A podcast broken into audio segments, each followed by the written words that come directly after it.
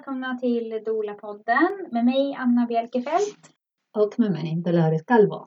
och dagens gäst Märta Kullhed Engblom. Välkommen! Tack så jättemycket. Du har ju varit och gästat oss innan. Ja, det stämmer. Jag tror att det var avsnitt tre och fyra som vi släppte. Mm. Som Märta pratade. Rekommendation är att lyssna på de avsnitten för de är superbra. Märta, vill du berätta lite eh, kort bara vem du är och kanske vad du sysslar med just nu? Ja, nej men jag är ju barnmorska och doula. Kallar mig ibland för barnmorskedoula. Jag tar en del hemförlossningar. Och det jag sysslar med just nu, det är att jag håller på att utveckla en verksamhet med profylaxkurser. Jag har fått en kollega som heter Eva som eh, jobbar med mig, så vi håller på att utveckla det. Och så skriver jag på ett manus till en bok. Oh, Mm. Det visste inte vi. Nej, Vad roligt! ja. Ska vi veta vad ska det handlar om? Nej, det är, mm, ni får läsa på min blogg om ni är nyfikna. Men, jag, Bra. men det håller på att ta form så att det är snart i hamn. Vad roligt! Idag ska vi prata om det fysiologiska födandet. Vill du berätta lite, vad, vad innebär det för dig? Vad, liksom, vad betyder det? Ja, man har ju börjat säga fysiologiska födandet istället för det här jag vill föda så normalt som möjligt. För att det förvirrar lite när man har sagt normal födsel. För det är normalt att föda med epidural. Det är normalt att få en igångsättning. Eh, men fysiologiskt födande, det är ju så som kroppen jobbar när förlossningen sätter igång helt spontant av sig själv. För vi har ju många olika processer i vår kropp. Vi går på toaletten när vi är bajsnödiga, vi kissar när vi kissar. Alltså, vi föder barn när vi är barnnödiga. vi måste föda. Det är liksom en fysiologisk funktion att föda Mm. barn på det sättet. Mm. Så det är det att det är någonting helt normalt för kroppen att föda ut ett barn. Mm. Vad är det som händer i kroppen när man föder barn? Vill du berätta lite? Mm. Det är så himla häftigt för kvinnokroppen har ju liksom byggt det här barnet. Och barnet under graviditeten så vilar ju barnet i sitt eget mini-universum. Det här fyllt av fostervatten. Får all sin näring då via eh, navelsträngen och moderkakan. Och eh, livmoderhalsen som är som den här flaskhalsen som ska hålla det här barnets mini-universum intakt. Ser till att försegla barnets värld. Och eh, livmoderhalsen är riktad bakåt, eller livmodertappen kan man säga. Och vill liksom inte, ska inte vara åtkomlig för någonting utifrån. Men sen när förlossningen börjar, när barnet ska byta universum och komma till våran värld, alltså våran värld med full av syrerik luft. Det första som ska hända då är att livmoderhalsen ska göra ett annat jobb, nämligen försvinna. Och den här livmoderhalsen kallar man ju för lite olika, har man lite olika namn på. Det kan man bli lite förvirrad. Ja, vi barnmorskor säger ju cervix Mm. när vi pratar om livmodertappen, livmoderhalsen. Det är ju som en, en slags eh, flaskhals kan man Mm. säga. Och det som är i där kan man kalla för kork, Mm. alltså slemproppen, ska täppa till. Och en del kvinnor känner ju att en förlossning börjar med att det kommer lite slem och det är liksom den där korken som släpper. Brukar det vara så att eh, man tror att förlossningen är på gång men blir lite lurad av det? Kan det vara så också? Mm, det är en bra fråga. Det är ju förlossningen som är på gång. Mm. Det är ju bara tidsaspekten. Exakt. Alltså hur långt är det kvar tills man ska föda ut det här barnet? Mm. Det är därför jag tycker om att kalla den här första fasen av förlossningen för första fasen istället för att säga latensfasen. För den här första fasen av förlossningen, det är ju just när livmodertappen ska liksom göra ett annat jobb, Mm. försvinna. Och som kanske börjar med att slemproppen går. Och den kan ju ta flera dagar. Så. Och det är ju förlossningen som har börjat. Men det kan vara väldigt långt kvar tills barnet kommer ut. Jag ställer lite frågor ibland sådär för att jag tänker att det är lyssnarnas frågor som jag ställer, eller vad man ska säga. Alltså, Mm. man kanske själv tänker så här, men det här är nog koll på, men det kan vara bra att tänka att de som lyssnar kanske inte är lika insatta i vissa saker. Nej, Nej det är viktigt. Mm. Mer då, vad händer i kroppen? Det vanligaste sättet som en, en förlossning börjar är ju egentligen verkar, korta verkar som kommer. Och det är ju eh, livmodern som börjar jobba. Livmodern är till största delen en muskel. Och det är så himla fascinerande hur livmodern från början är som ett päron och sen som en stor pumpa då mot slutet.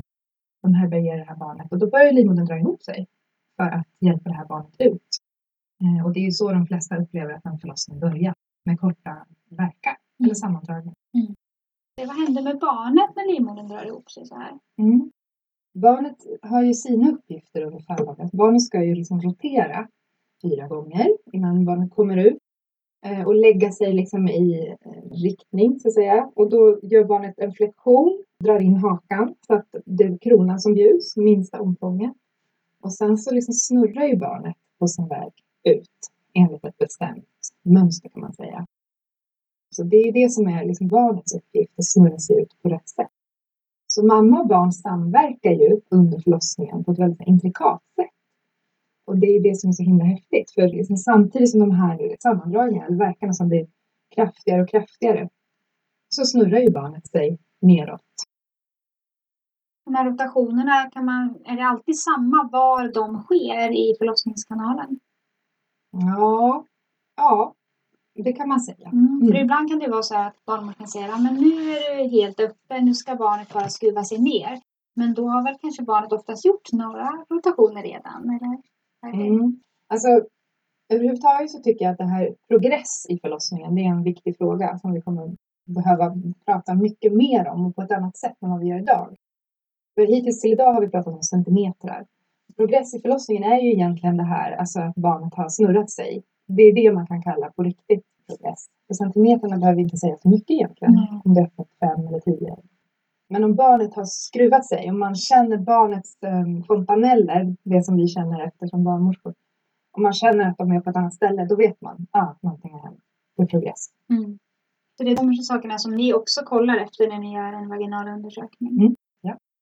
Vill du berätta lite om eh, samspelet mellan hormoner? Ja, alltså det är ju också väldigt häftigt för att det är ett sånt intrikat samspel av hormoner. Och det här hormonspelet som reglerar förlossningen, det är ju liksom egentligen väldigt lite studerat exakt var och när och hur. Alltså man vet ju vilka hormoner som är inblandade och det är framförallt prostaglandin, oxytocin, adrenalin, och endorfin som är inblandade. Och man kan se det här hormonspelet som, alltså man tänker sig en, en orkester man sitter och lyssnar på den här orkestern. Man kan liksom uppfatta om det uppstår en sån njutbar harmoni. Åh, vad fint det låter. Men du kanske inte vet exakt om det är stråkarna som spelar den stämman eller om det är den där som spelar den stämman. Men du känner, ah, men det här var jättefint. Och sen så märker du när det bara, oj, oj det bröts, det tog slut. Mm. Men du vet inte exakt varför det blev så här. Varför blev det fel nu? Vem slutade spela? Vem slutade spela först? Mm. Var det de eller var det första stämman andra? Och det är lite samma sak med alltså, födandet, det här hormonspelet. Vi kan förstå oss på resultatet. Aha, det verkar nästan ha av. Men varför? Det har vi ju liksom inte studerat så mycket som vi borde göra. Nej. För att vi vet ju att många förlossningar stannar av. Och då borde vi ju liksom fundera mer varför gör de det? Mm. Vilka, är, vilka hormoner är det då som du ser som är liksom viktiga? Alla de här är ju liksom viktiga. Det är ju som Mm. en orkester. Vem är viktig? Mm. Är flöjten? Men typ så här, om jag tänker eh, för att mammans, alltså Mm. för progressen. Ja, precis. Nej, men prostaglandin är ju med och mjukar upp eh, livmodertappen. Så man kan säga det, det första Ja. hormonet som börjar jobba Exakt. för att För att det är ju, spelar ju en stor nyckelroll när man ska mjuka upp livmodertappen, prostaglandin. Sen är ju oxytocin det här hormonet som gör så att vi får verkar. Och det är liksom det som driver hela förlossningen framåt. Eh, Mm. det är som gasen i födandet. Mm. Och eh, adrenalin, det är inte bara ett dåligt hormon. Man kan förenkla kan man säga adrenalin är bromsen i födandet. Och det kan det ju vara om det blir väldigt stressigt. Man kommer in till sjukhuset, man blir jättestressad och sen så kommer ett adrenalinpåslag och verkarna liksom försvinner. Det är vanligt. Men adrenalin kan ju vara bra också. Som om man behöver lite kraft i krystfasen och känner att man får liksom den här lite rush, adrenalinrush. Mm. Så. Adrenalinet, jobbar det mer i slutet av förlossningen? Det vet inte Jag jag. vet Alltså, nej, det skulle, jag skulle väl säga, alltså precis som, jag vet inte lika lite om det här liksom, hormonspelet som någon annan Mm. egentligen. Men jag, bara, jag är medveten om att det finns Mm. där. Jag kan liksom inte säga hmm, så. Men att man kan få, under krystfasen kan man som kvinna känna att man är med och liksom, eh, gör någonting mer aktivt. Mm. Och då kan det vara det här att man har får lite hjälp av adrenalinet, att man tar i. Det är viktigt att förstå att det är olika system, eh, det här sympatiska och parasympatiska nervsystemet i kroppen. Det är det nervsystem som är autonomt och som vi inte styr med vilja. Och det parasympatiska nervsystemet, det är under inflytande av det som vi kommer igång i en förlossning och får mer oxytocin. Och det sympatiska nervsystemet, när vi blir lite så här pumps upp, alltså vi fight or flight, att vi vill reagera på någonting. Det är ju det som adrenalin då kan skjuta i höjden. Så det är liksom olika system i kroppen som jobbar bredvid varandra och de är inblandade i en förlossning. Man vill gärna stimulera det parasympatiska. Exakt. Alltså det, det är verkligen en nyckel för att förstå förlossningen. Att det är under inflytande av vårt parasympatiska nervsystem i det autonoma nervsystemet som vi kommer igång i födandet. Det är en myt det här att ja, men vi ska komma igång med fler verkar om vi går ut och går, alltså går i trappor. Det är liksom helt fel tänkt. De Mm. flesta verkarbeten sätter vi igång på natten när man är som mest avslappnad. Vill du säga lite mer om det? För det är väldigt eh, det är vanligt att höra om jag ska gå upp och ner för trappan. Ja, det är ju liksom ett feltänk att man ska komma igång med fler verkar. För att då stimulerar man ju helt annat system. Alltså födandet är ju ingenting vi ska göra aktivt. Det är därför jag inte heller tycker om den här liknelsen att det är som att gå upp på toppen av Mount Everest. Vilket nervsystem tror du är liksom aktivt, mest aktivt då? Då ska vi liksom, vi förbereder oss och vi ska göra någonting väldigt fysiskt aktivt. Födande, det är någonting som kommer när vi tillåter födandet att komma. Men det är inte det här att vi själva ska göra något aktivt. Vi ska bara låta födandet ske. Och liksom släppa taget för att kunna låta födandet ske. Det är faktiskt, faktiskt eh, den bästa liknelsen, det är nästan eh, kvinnans orgasm. Alltså, i någon mån kan man säga att en förlossning är en kvinnas största orgasm. Inte på det sättet att det är liksom skönt på det sättet som en orgasm är skönt. Men att eh, en- den här, våra kemiska budbärare, hormonerna i kroppen, de fungerar enligt exakt samma princip som när man har sex och det är skönt och man kommer på en orgasm. Mm. Eh, Så om man, tänk, om man ser den bilden framför sig, då blir det lättare att förstå vad behöver man som födande kvinna för att kunna föda ut sitt barn? Vad behöver du för att få en orgasm? Du behöver ett eget privat rum. Du behöver vara ostörd i din process. Och om du, om du blir arg på dig själv, om du blir arg på kroppen, åh, då kommer det inte hända någonting. Och det är precis samma sak med födande. Det hjälper inte att bli arg för det kommer inga verkar. Eller nu ska jag försöka ännu mer. Det blir bara en kramp. Kroppen liksom låser sig. Mm. Det här tycker jag att vi har, det har vi inte tagit så stor hänsyn till när vi har utformat förlossningsvården. Så, för att vad är det som födande kvinnor behöver? Man behöver ostördhet, man behöver en lugn, trygg plats, man behöver stöd, kärlek, man behöver personer som man har lärt känna innan. Man, det är tillit och trygghet behöver man, mer än någonting annat.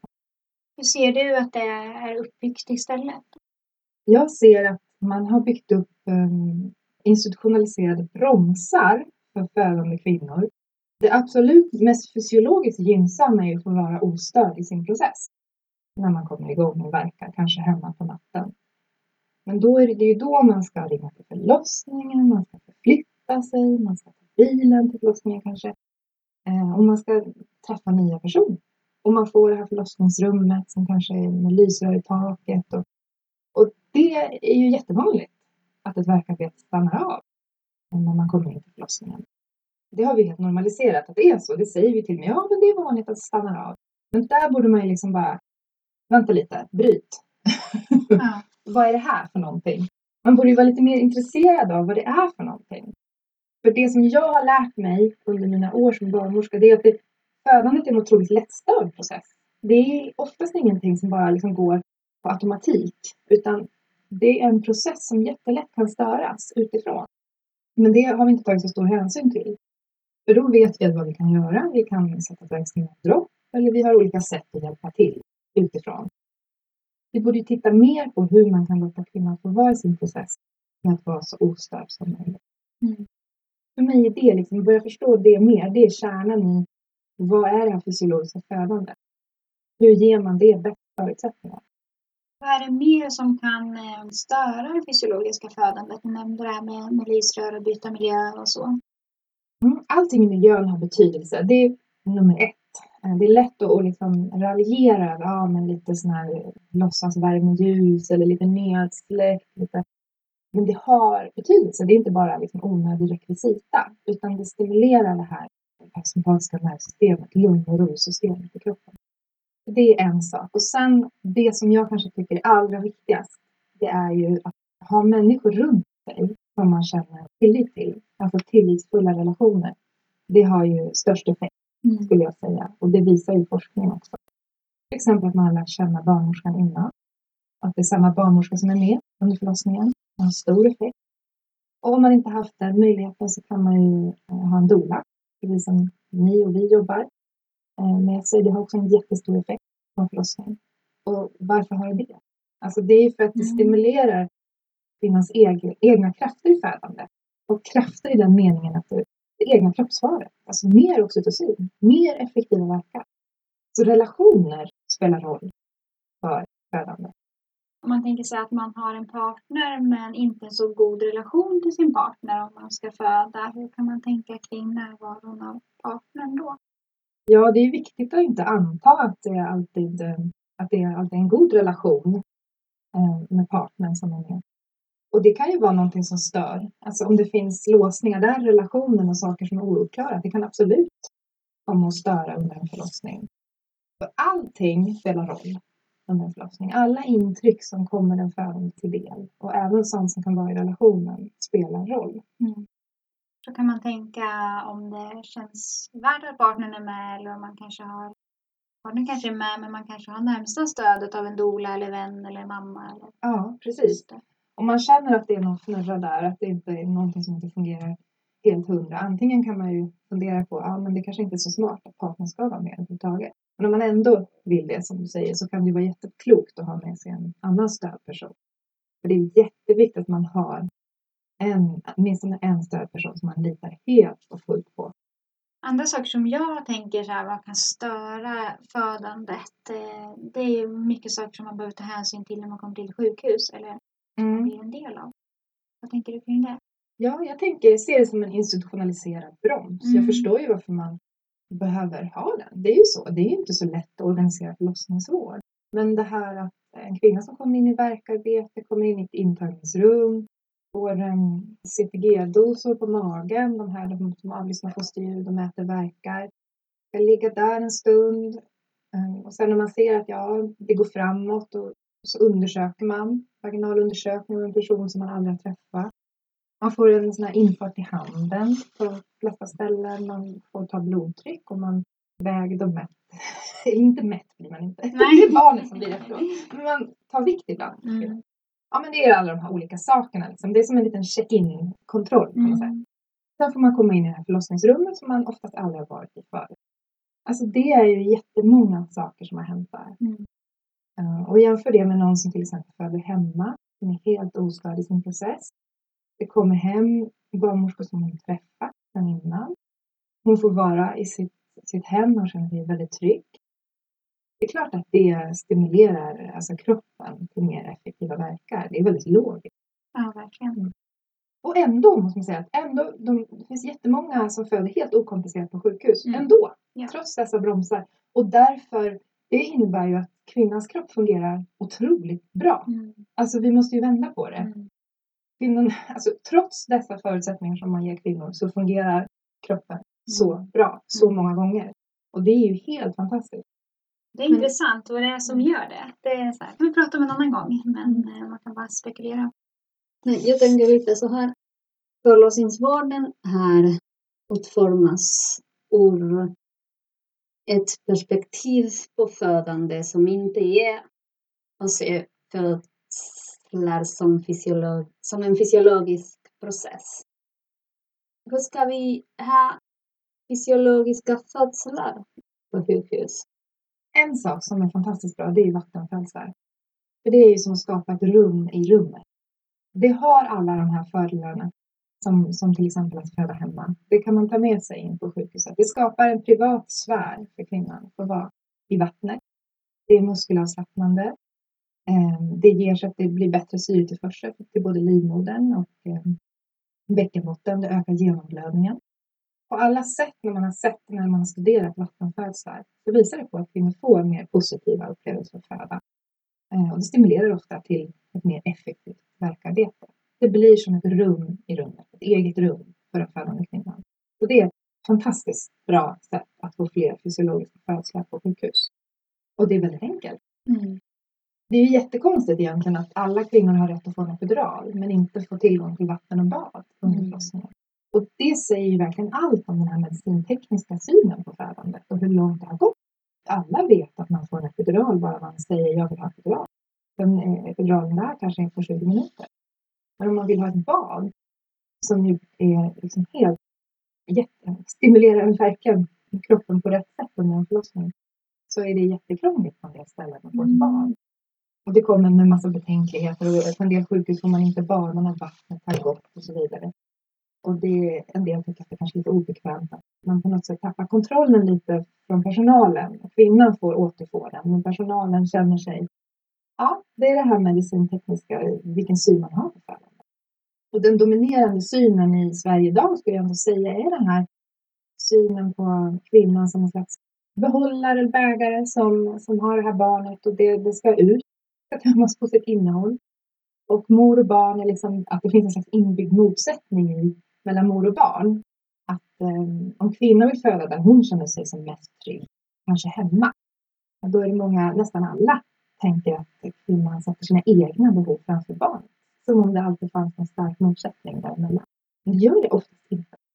Och det, det här synsättet som jag står för, det har liksom blivit otroligt marginaliserat i Sverige idag. Och blir det så? Eller var, var det alltid sådär? Eller? Nej. Alltså vi, vi är ju det här medicinska paradigmet kan man säga. I början av 1900-talet så födde ju de flesta fortfarande hemma. Men när förlossningarna började från 1940-talet och framåt så har ju förlossningarna varit på sjukhus. Och då har, har man ju mer och mer, många fler medicinska ingrepp i förlossningen, andra rutiner, fosterövervakning. Det har ju blivit mer och mer medicinskt. Och till slut så har det ju liksom kommit där till att födandet, ja, det är som om det är sjukhuset som äger förlossningarna. Som om det är sjukhus. Mm. Men det är det ju inte. Det är kvinnorna som äger sina kroppar. Det födandet tillhör ju kvinnan. Och precis som man, man kan, eh, alltså som andra fysiologiska processer i kroppen, man kan få en skadad tarm, man behöver hjälp med eh, en operation för att få tarmen att fungera som vanligt, så kan man behöva hjälp under graviditet och förlossning för att det är någonting som inte fungerar som det ska. Precis som man kan få en urinvägsinfektion, vad som helst. Men jag menar, det är ju själva födandet. Det tillhör ju kvinnan Mm. den största kompetensen i födandet äger ju kvinnan. Och det där känner jag ibland att man har tappat bort. Att på sjukhuset är det lätt att överskatta sin egen kompetens av födandet. Och personalen överskattar sin egen kompetens. Och så kvinnorna underskattar sin kompetens. Verkligen. Det ser man ju ganska ofta att kvinnor eh, inte har liksom den, eh, den självkänslan och självförtroende som man kanske önskar att de hade för att man, man förstår att de besitter det. Nej, och då blir det ju det här maktförhållandet. Och det Mm. bibehålls på grund av kanske att personalen ibland överskattar sin förmåga och kvinnorna underskattar sin. Och då blir det ett slags maktförhållande. Eh, Så man ser att det blir helt annorlunda vid en hemförlossning till exempel. För då finns inte den, det på samma sätt. Men då känns det ju mer som att man pratar om att man bistår en födsel. Mm. Hembarnmorskor har mer än liksom. Ja, för då är det maktförhållandet helt ändrat. Kvinnan Mm. känner en stor tillit till sin egen kompetens i födande. Och sen är barnmorskorna gäster i hennes hem. Precis. Ja, men hur, hur blev det så här? Varför flyttade man in och födde på sjukhus? Vad liksom... Alltså man måste ju förstå det i den kontexten. Alltså jag menar, de hemfödslar på början av 1900-talet kunde ju vara helt fruktansvärda. Mm. Alltså, man måste prata om hemfödslar då och hemfödslar nu. Ja. Många födde ju själva eh, hemma. Man kanske födde sitt elfte barn hemma utan något stöd. Man hade ingen mödravård. Man kanske var sjuk, man led av blodbrist. Alla de här omständigheterna det var ju många mödrar som dog. Och barn som dog. Alltså både barnadödligheten och mödradödligheten har ju gått ner otroligt mycket sen den här utvecklingen tog fart i början av 1900-talet. Och det är det man, många pekar på när det är så farligt att föda hemma. Ja, precis. Men då är det bra att veta att det, det första som hände det var att mödravården byggdes Mm. ut i Sverige. Mm. Det kom innan alla förlossningar flyttade in på sjukhus. Det var nog den viktigaste åtgärden. För då kunde man tidigt i graviditeten upptäcka vilka som behövde mer hjälp. Preklampsi, havandeskapsförgiftning till exempel. Det kunde man upptäcka. Man kan upptäcka om det behövs mer järn, alltså graviditetsdiabetes och allt det här. Och sen det som var fantastiskt med sjukhusen, det var ju att man till exempel kunde hjälpa till vid stora blödningar. Det kunde man med blodtransfusioner.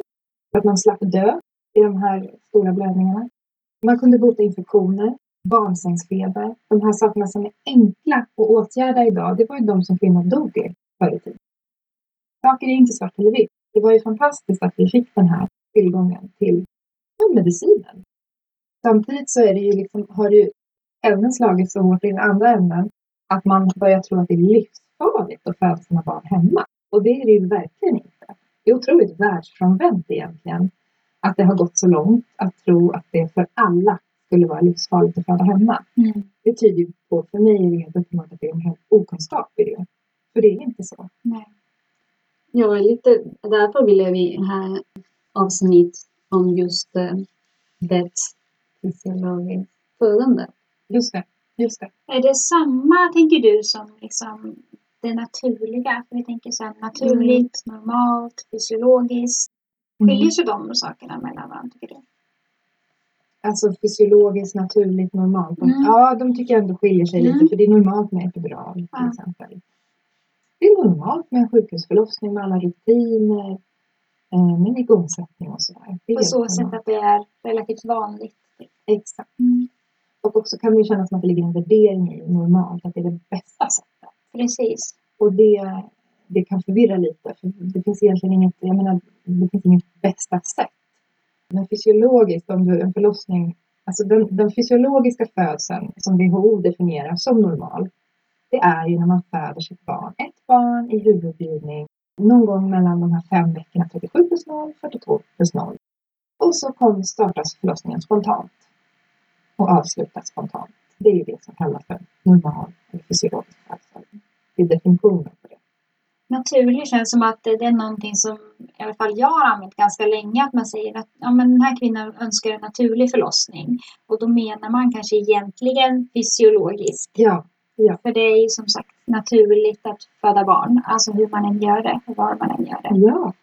Alltså naturligt, det kan ju vara ett sätt för en själv att säga att, att jag inte vill ha någon medicinsk smärtlindring, att jag vill tacka nej till de här ingreppen i förlossningen som jag vet kommer kunna påverka.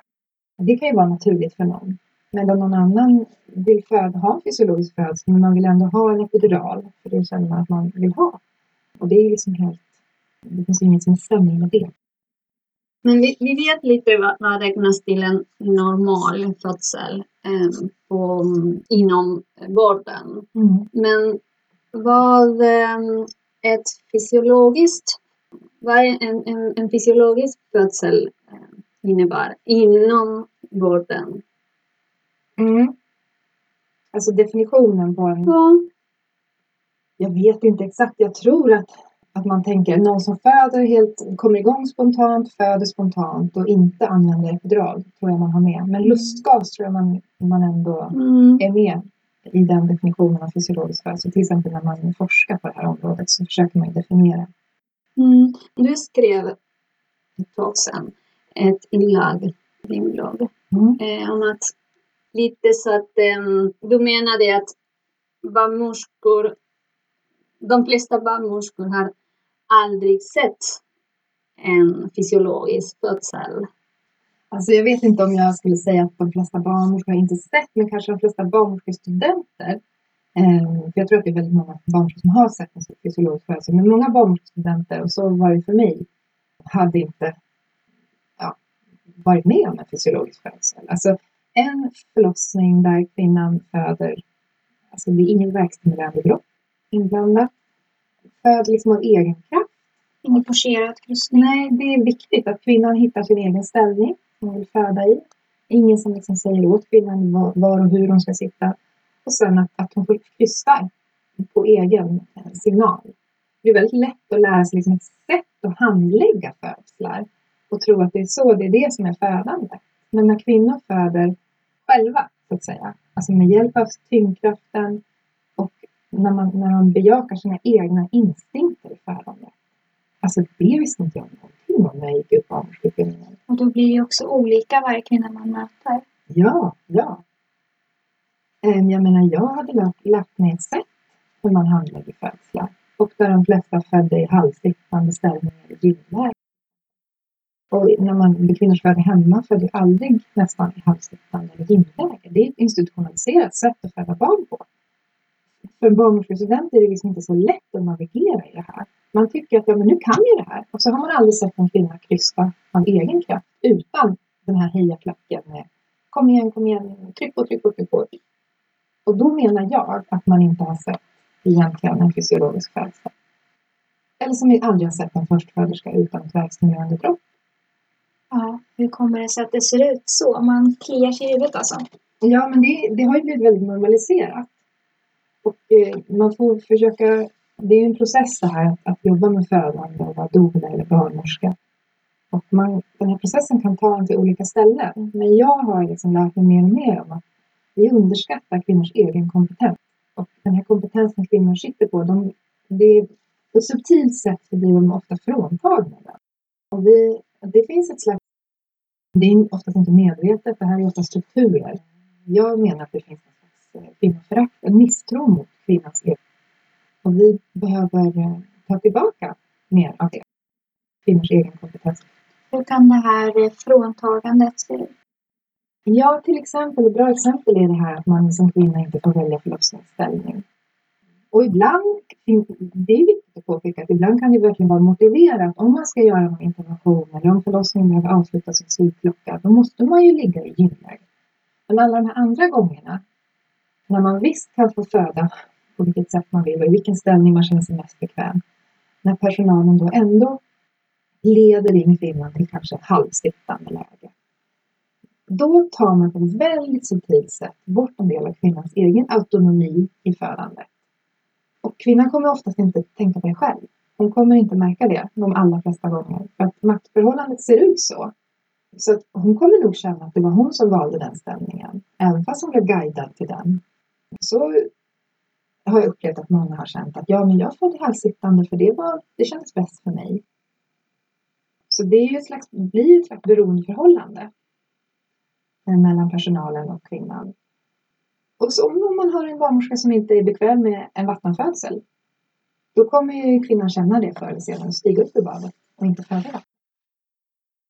Det är jätte, den här relationen man har, barnmorska, födande kvinna, den är viktig, jätteviktig.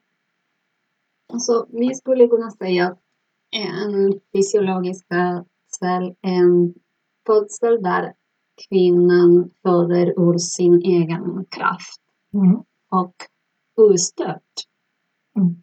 på något sätt. Mm. Så tänker jag lite. Ja, men det är bra. Det är bra. Man be- behöver inte göra så svårt. Det blir så himla, vad är fysiologiskt, vad är det med lustgas eller utan? Mm. Det där är en enkel och bra definition. Och det här med ostört, något som vi pratat ganska mycket om som dolor. Mm. Hur kan vi stötta kvinnor att föda ostört när det är så institutionaliserat hela tiden? Man måste flytta sig Ja. in en annan miljö. Och sen gå igenom, du vet, CGT-kurvan och alla som du har pratat just. Mm, och sen rummet, du vet, vi har en stor säng mitt i rummet. Och Eller en Så. liten. ja, ja. Nej men precis, men det är därför när jag tar uppdrag som barnmorska och doula, då Mm, brukar jag vilja komma hem till min mamma och hennes partner. För att jag vet att det kommer, vi känner varandra sedan innan, det kommer trygga henne. Och så vill jag vara här, en liten övergång, alltså bygga bron mellan hemmet och sjukhuset och skydda Mm. då paret hela vägen över bron. Så att man ska minimera det här bromsen i födandet. Så jobbar jag. Och sen så blir det lättare för kvinnan att hålla liksom garden nere eftersom hon känner mig och litar på mig. Och sen är jag med då hela vägen in inför rummet och sen under hela förlossningen. Man kan få det här att gå väldigt liksom smidigt. Men det gäller ju att det liksom inte stannar upp någonstans och det gäller ju att alla då tonar in i varandras uppgifter och den barnmorska som tar emot, att hon är lyhörd. Och sen om det är en barnmorska som ska ta över nästa pass, så det gäller att man är lyhörd hela tiden för stämningen och ser till att behålla den. Trygga rummet. Så brukar jag tänka. Hur tryggar man det här rummet? Man kan egentligen känna sig trygg var man än är. Om man har rätt stöd runt sig. Så till exempel då att man som doula med fördel kan möta upp de födande hemma och åka in tillsammans.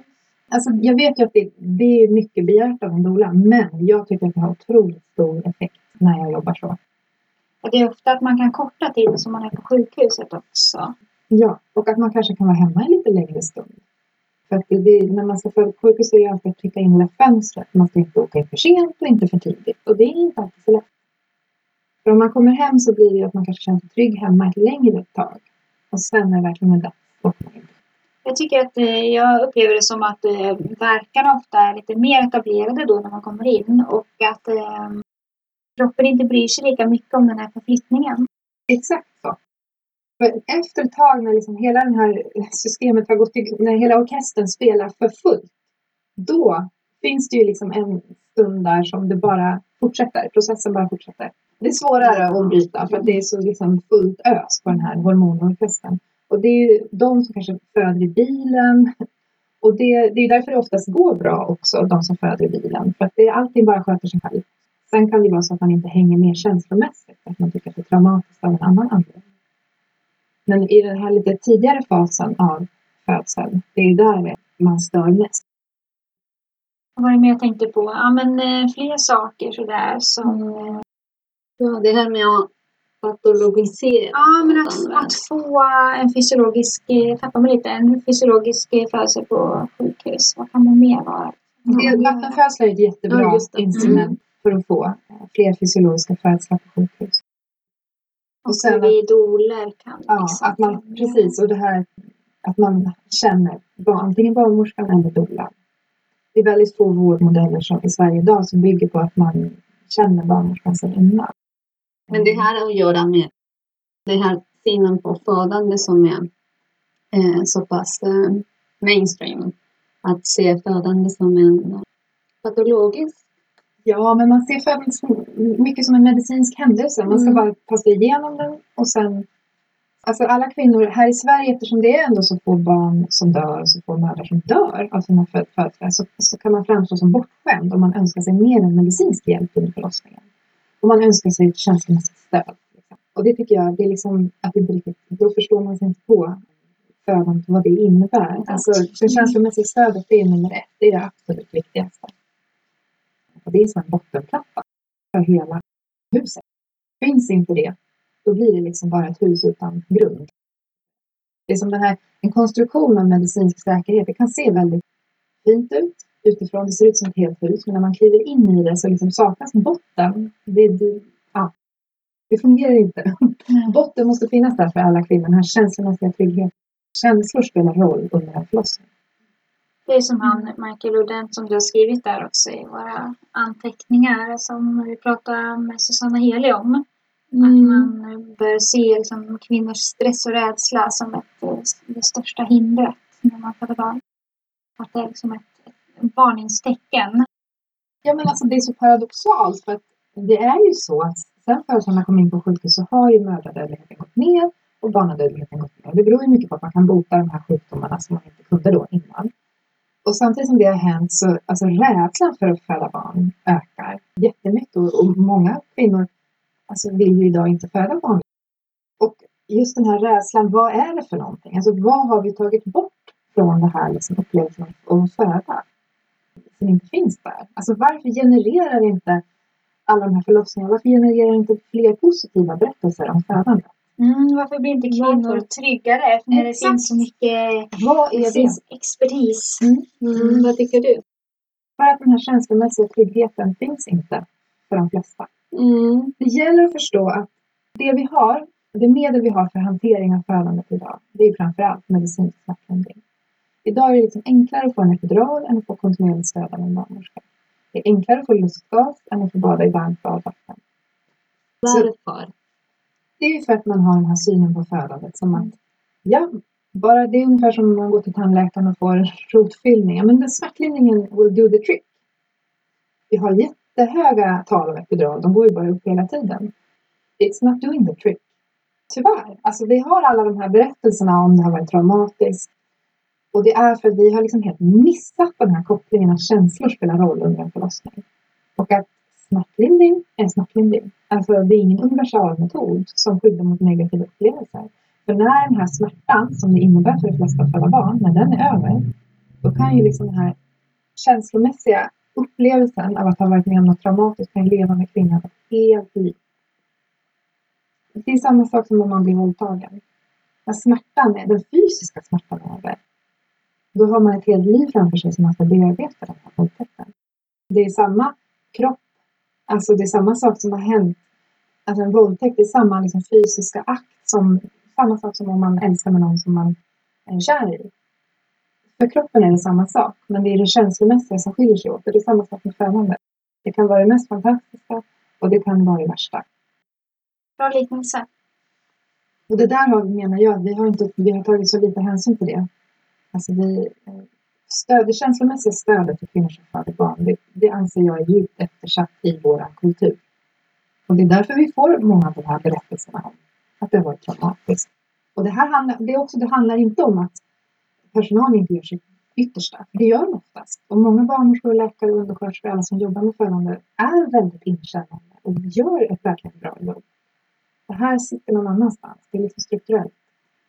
Ja, för jag tycker att jag möter ofta kvinnor som eh, verkligen önskar en epidural och sen eh, får man också ett verkstimulerande dropp och sen ger det en annan typ av känsla i att verkarna kommer. Alltså epiduralen kanske inte tar bort allt men man känner de här verkarna som kommer i och med droppet. Och sen i efterhand att man tyckte att det var jättetufft i slutet och krystverkarna var helt fruktansvärda. Och då tänker man att de här, vad ska man säga, syntetiska verkarna, de framkallade verkarna är ju ofta något helt annat för kroppen än det som kroppen själv producerar. Och så tänker man i efterhand, gud hur hade det varit om jag inte hade tagit den där epiduralen? Mm. Då hade jag aldrig klarat av de här verkarna. Ja, ja, ja det är en jättevanlig historia. Att man blir väldigt, väldigt, väldigt tacksam för epiduralen och man hade aldrig klarat det innan. Man behövde bli räddad. Och sen så vill man ha ännu mer av det nästa gång man ska föda barn.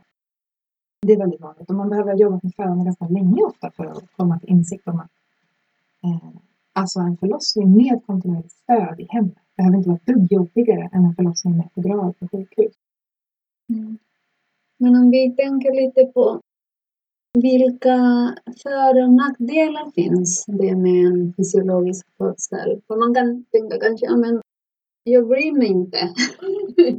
mm. jag, det, om man kan välja vilken typ mm. man vill.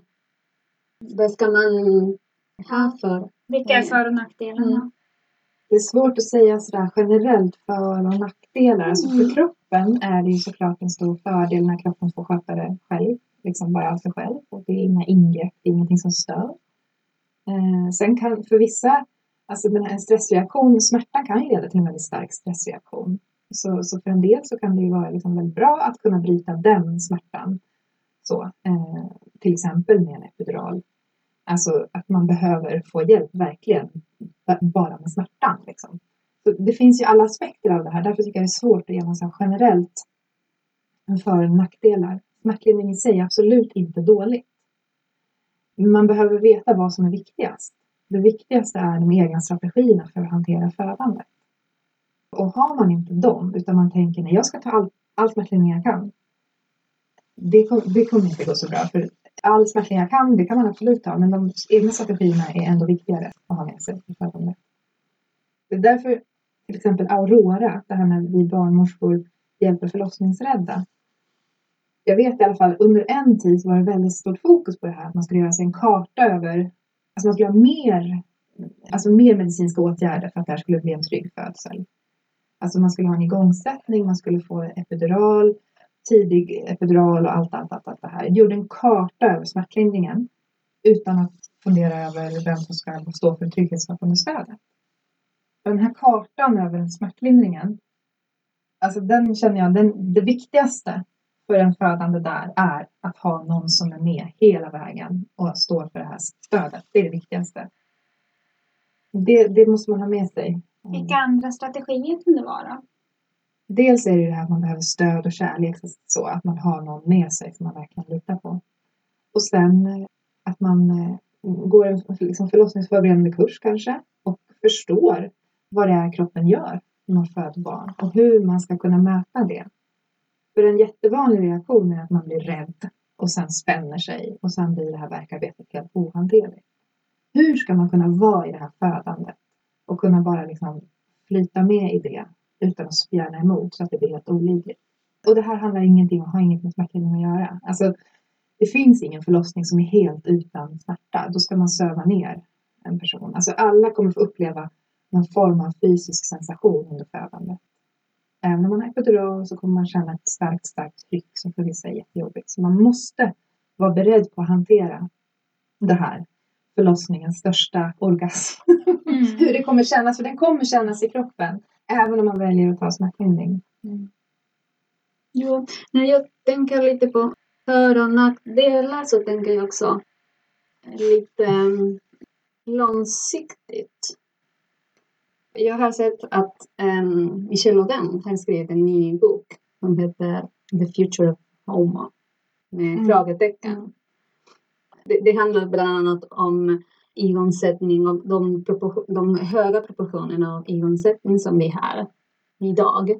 Och jag tänker mycket på vad håller vi på att skapa när vi medikaliserar födande så pass mycket långsiktigt?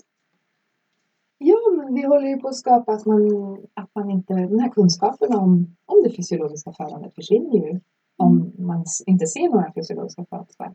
Till slut så vet man inte om att det går att föda barn utan några ingrepp till exempel. Så att jag menar, om man tittar på folkhälsonivå så är det klart det finns otroliga fördelar med att fler fysiologiska födslar. Sen vill jag liksom vara försiktig med att, att rekommendera att man ska föda naturligt och fysiologiskt för det, då hamnar man direkt i liksom, ja, men så. Alltså, prestation. I prestation. Man måste komma bort helt. Det har ingenting med prestation att göra. Ja. Men det som jag tycker att det handlar mer om är så här att vi, om man tar bort och inte ser kvinnans kompetens i födandet, att kvinnor kan föda barn, till slut tror man ju inte, och till slut tror inte kvinnor heller om sig själva, att man har den här förmågan att föda barn.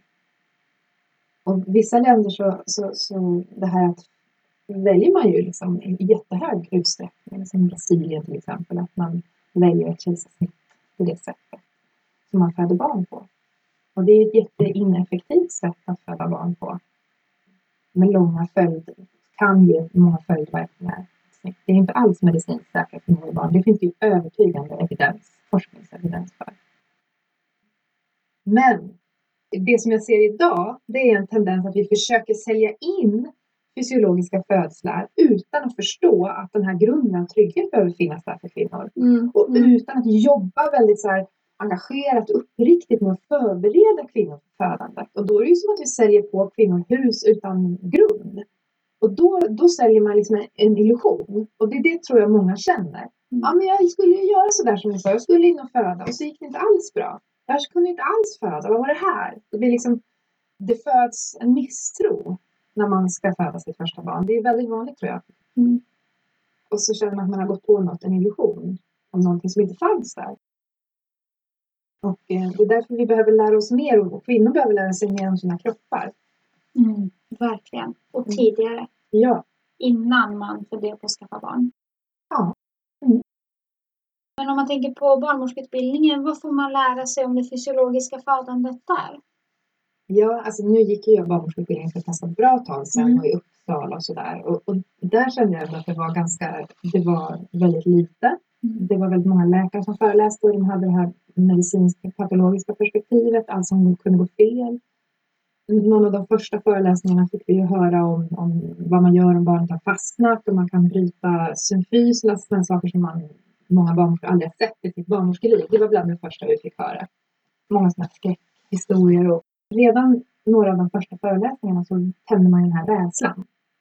Då föddes den, liksom, en rädsla för födandet. Nu tror jag att det finns, det finns ju väldigt många olika utbildningar över landet.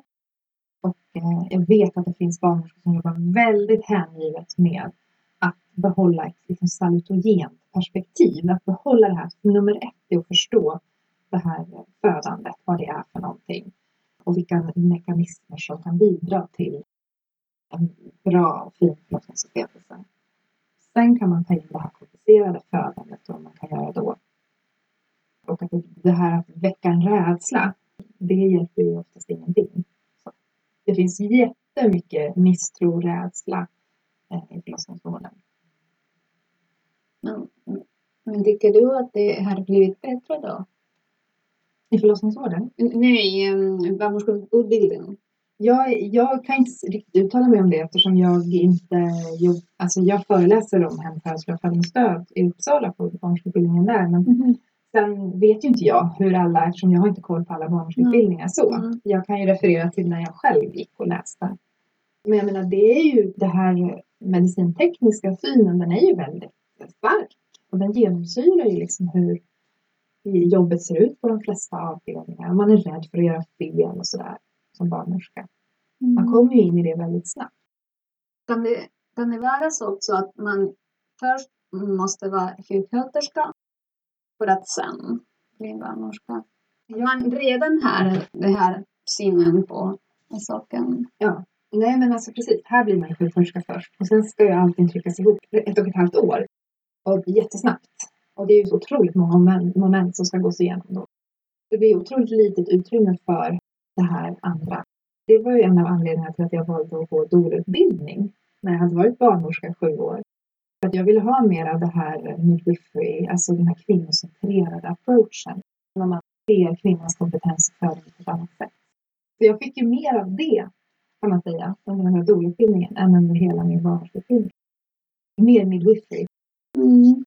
Men ändå finns det ju många barnmorskor som har det här barnmorskeri i sig. Ja, oh, Varifrån ja. eh, tar de eh, de här betygen? Alltså, är man lyhörd för när man jobbar med födande, alltså man kan ju lära sig så otroligt mycket av de filmer man möter, alltså de födelser man får vara med på. Så har man det här reflekterande förhållningssättet och är lyhörd, då kan man ju, alltså det handlar ju mer om det. Och det sitter ju inne i en själv. Det finns ju många och helt fantastiska barnmorskor och donor. Alltså det finns ju många som jobbar med födslar som verkligen har övat upp den här lyhördheten. Men det jag försöker säga är liksom att man får inte alltid så stor hjälp med det i det system vi har. Det är inte riktigt gjort för att man ska, att det kvinnans kompetens för födandet. Utan det är väldigt fokuserat, så här, manualstyrt och att inte göra fel, att inte fylla i rätt liksom, ruta på papper. Alltså så. så att, eh, men ju längre man jobbar, desto eh, lättare kan det ändå bli. Om man jobbar som barnmorska på ett akutsjukhus har man liksom förutsättningar eller vilka förutsättningar har man att främja det här fysiologiska födandet?